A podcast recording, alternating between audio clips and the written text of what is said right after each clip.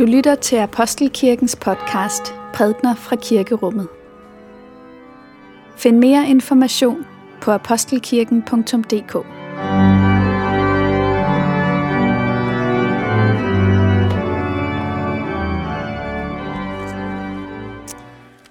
God morgen alle sammen, og velmødt til gudstjeneste her i Apostelkirken på søndag Septuagesima.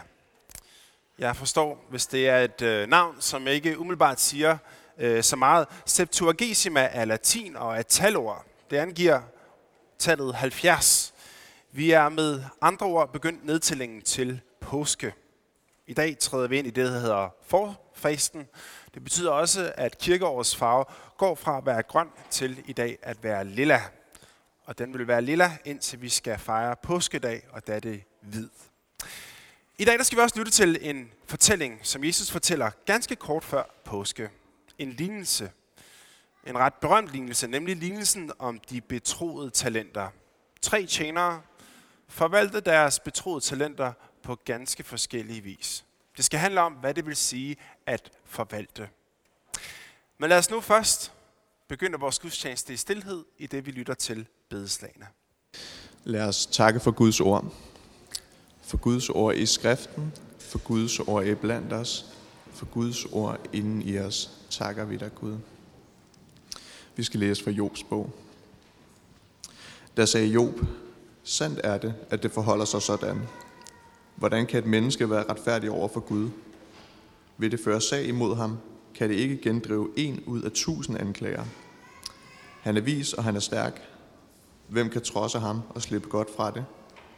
Han flytter bjerge, før de ved af det. I sin vrede får han dem til at styrte sammen. Han ryster jorden løs fra dens fundament, og den søjler skælver. Han befaler solen ikke at stå op, og for stjernerne har han sat sejl. Han alene spænder himlen ud. Han går på havets ryg. Han skaber løven og Orion, syvstjernen og stjernebillederne på syvhimlen. Han gør store ting, der ikke kan udforskes, og under, der ikke kan tælles. Han kan gå forbi mig, uden at jeg ser ham. Han kan fare forbi, uden at jeg mærker det. Hvem kan hindre ham, hvis han vil røve noget? Hvem kan sige til ham, hvad er det, du gør? Vi skal læse fra Matthæus. Jesus sagde, det er med himmeriget som en mand, der skulle rejse til udlandet og kalde sine tjenere til sig og betroede dem sin formue. En gav en fem talenter, en anden to og en tredje en. En hver efter hans evne, og så rejste han. Den, der havde fået de fem talenter, gik straks hen og handlede med dem og tjente fem til. Ligeledes tjente han med de to talenter to til. Men den, der havde fået én talent, gik hen og gravede et hul i jorden og gemte sin herres penge. Lang tid efter kommer disse tjeners herre tilbage og gør regnskab med dem. Den, der havde fået de fem talenter, kom og lagde andre fem talenter på bordet og sagde, Herre, du betroede mig fem talenter. Se, jeg har tjent fem talenter til. Hans herre sagde til ham, Godt, du gode og tro tjener. Du har været tro i det små. Jeg vil betro dig meget. Gå ind til din herres glæde.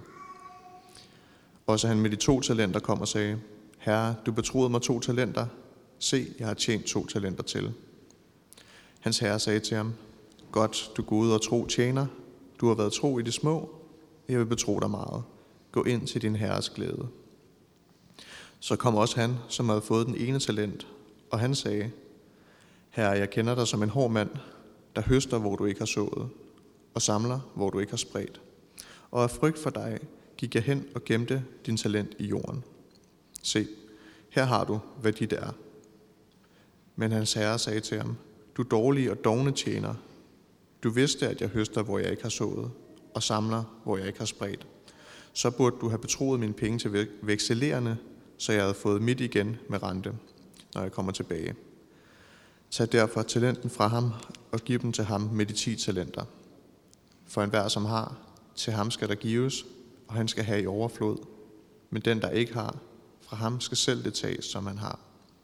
Og kast den udulige tjener ud i mørket udenfor. Der skal være gråd og tænder skærn. Lad os bede sammen. Herre, lad dit ord nu blive til liv for vores tro. I faderens og søndens og helligåndens navn. Amen.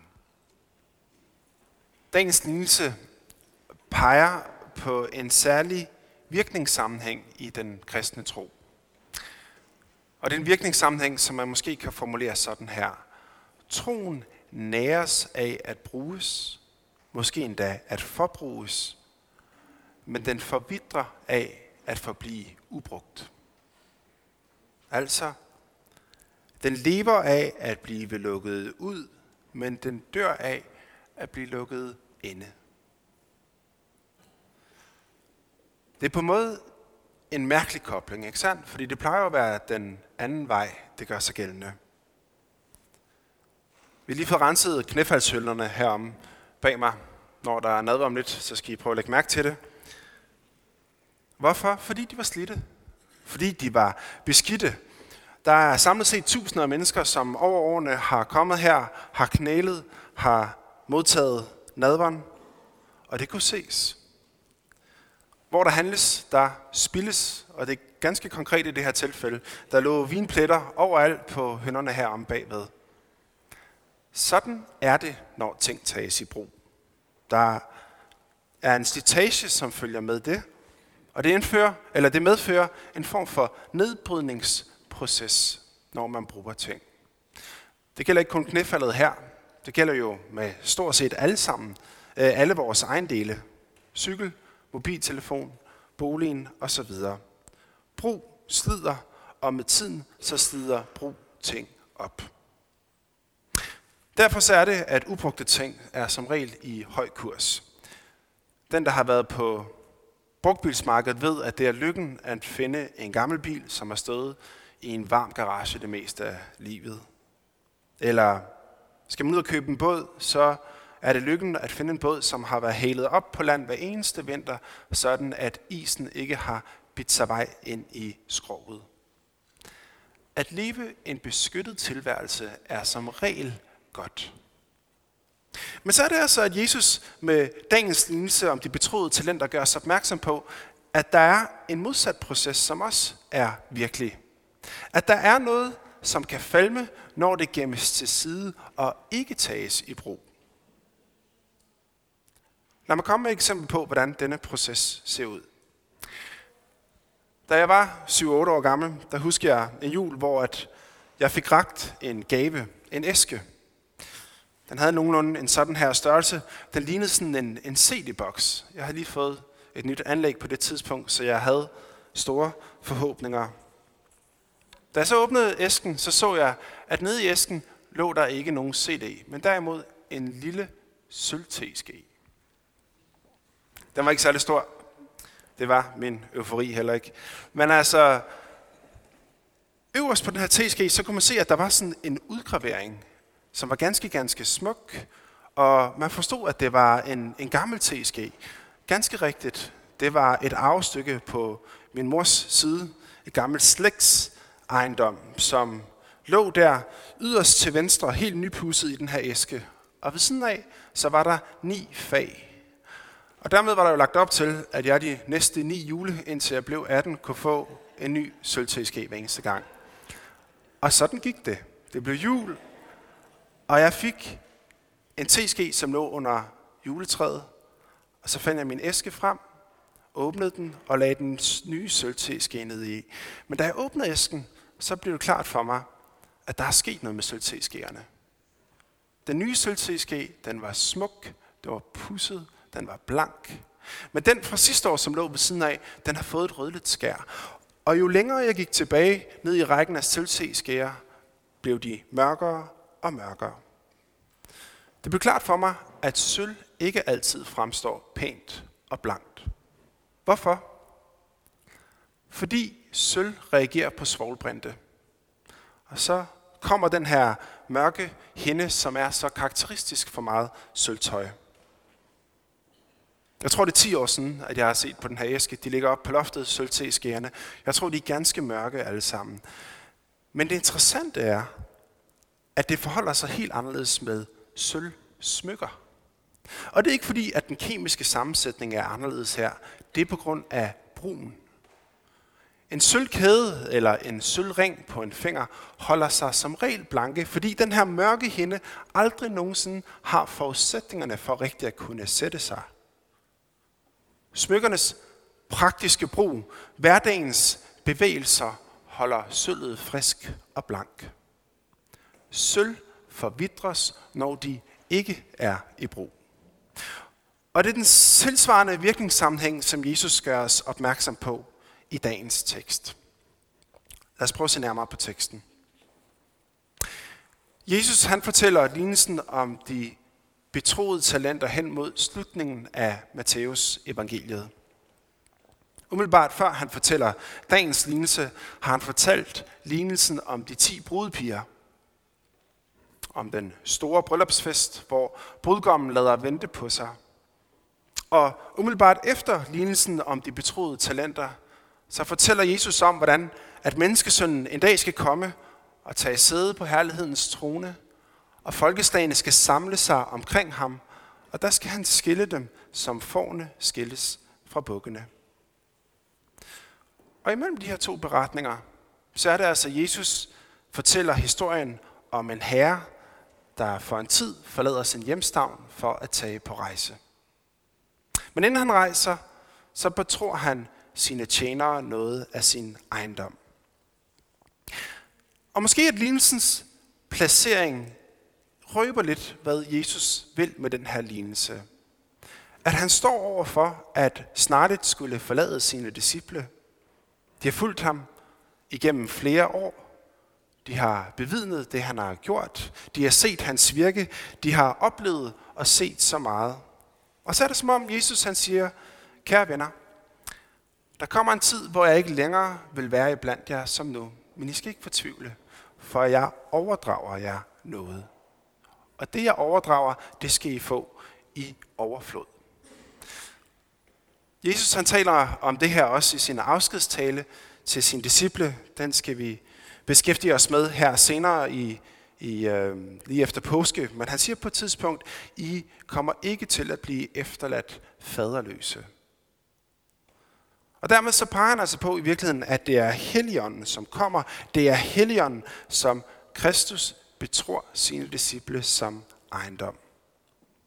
Og på den måde så er dagens lignelse en tydeliggørelse af, at Kristus har givet kirken rigt af åndens gaver. Det er de her gaver, som Paulus sætter ord på i sine breve, når han taler om, at nogen har fået visdom, andre har fået nådegaven til at kunne helbrede, nogen har fået kundskab, og andre har fået evnen til at profetere osv. Med andre ord, kirken er blevet begavet i ordets helt oprindelige betydning. Det har fået en gave.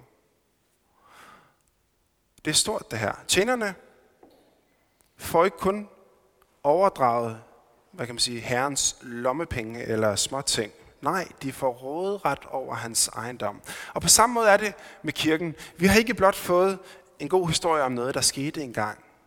Det er Jesu magt, der lægges i hænderne på hans disciple. Det er hans myndighed, som overdrages til hans kirke. Dengang som nu.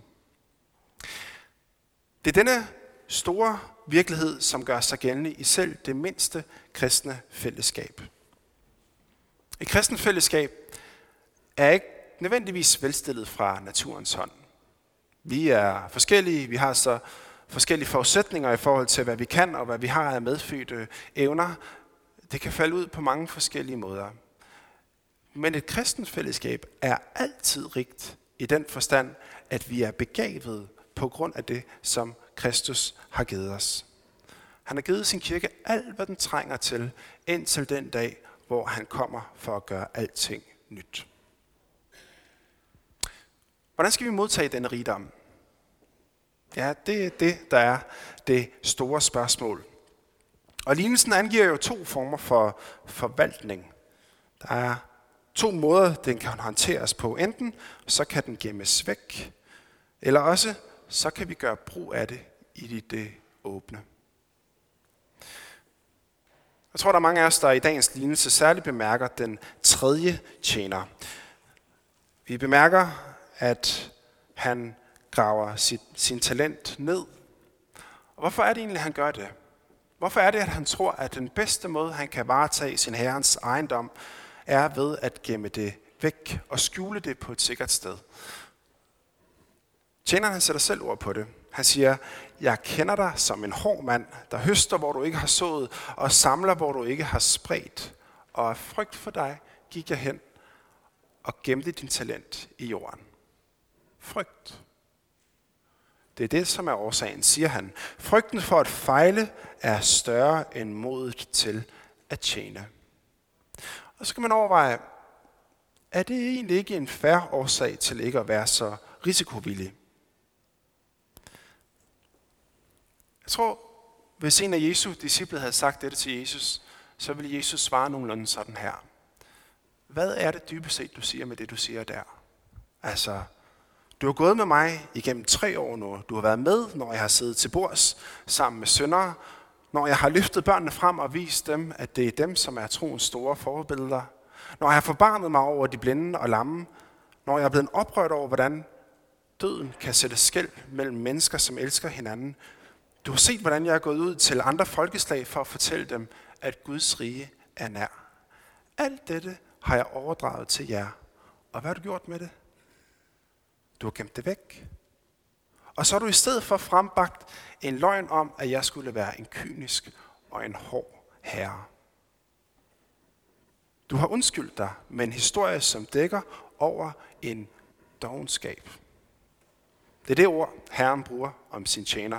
Du er dårlige og dogne tjener. Og den her dogenskab er ikke nødvendigvis en, en praktisk dogenskab. Jeg tror, der var en kommentator, der på et tidspunkt bemærkede, at det havde givetvis kostet den tredje tjener flere anstrengelser at gå ud og finde en skovl og grave et hul i jorden og lægge talenten derned og dække det hele til igen, end hvad det ville have kostet ham at gå hen til vekselerende med det.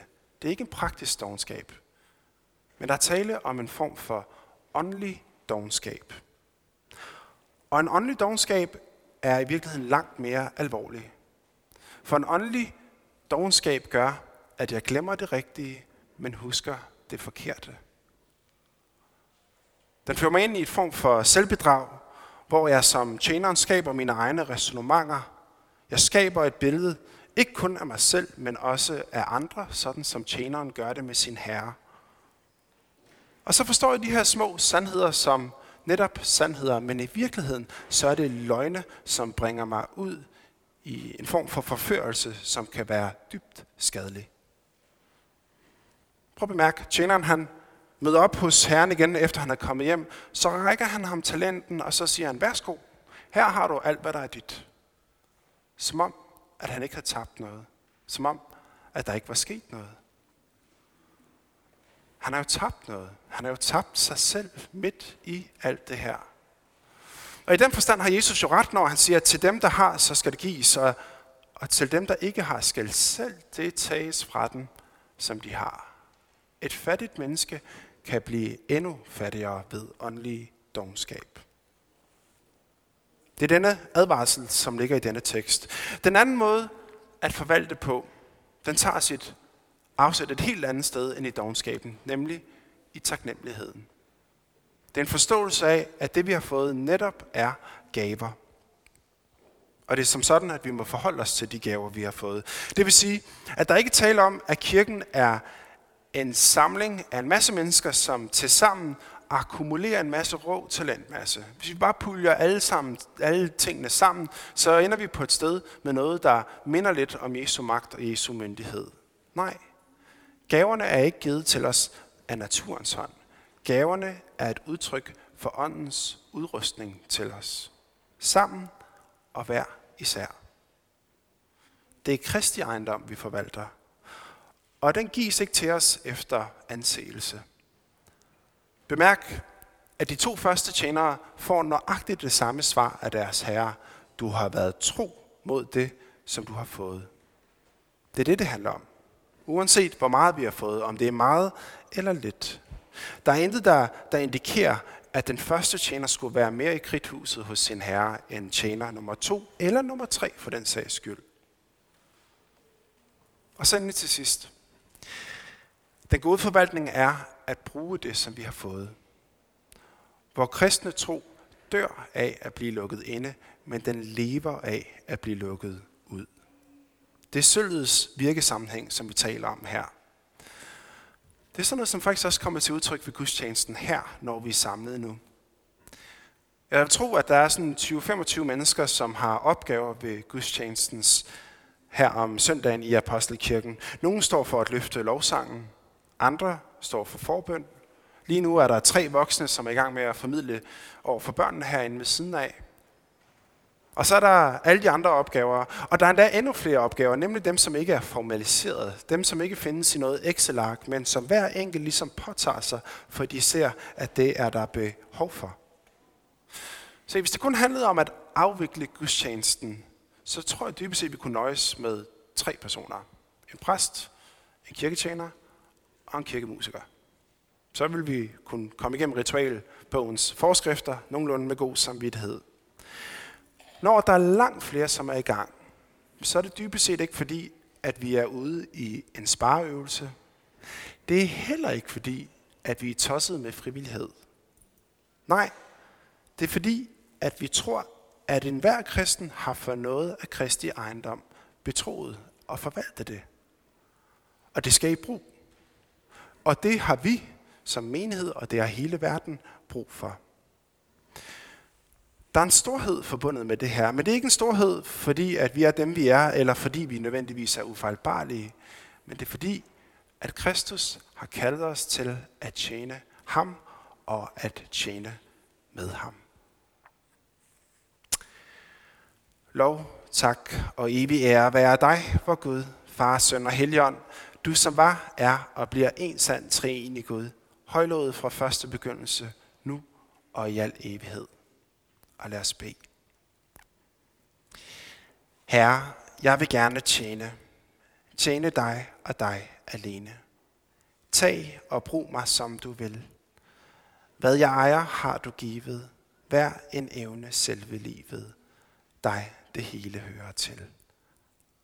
Amen.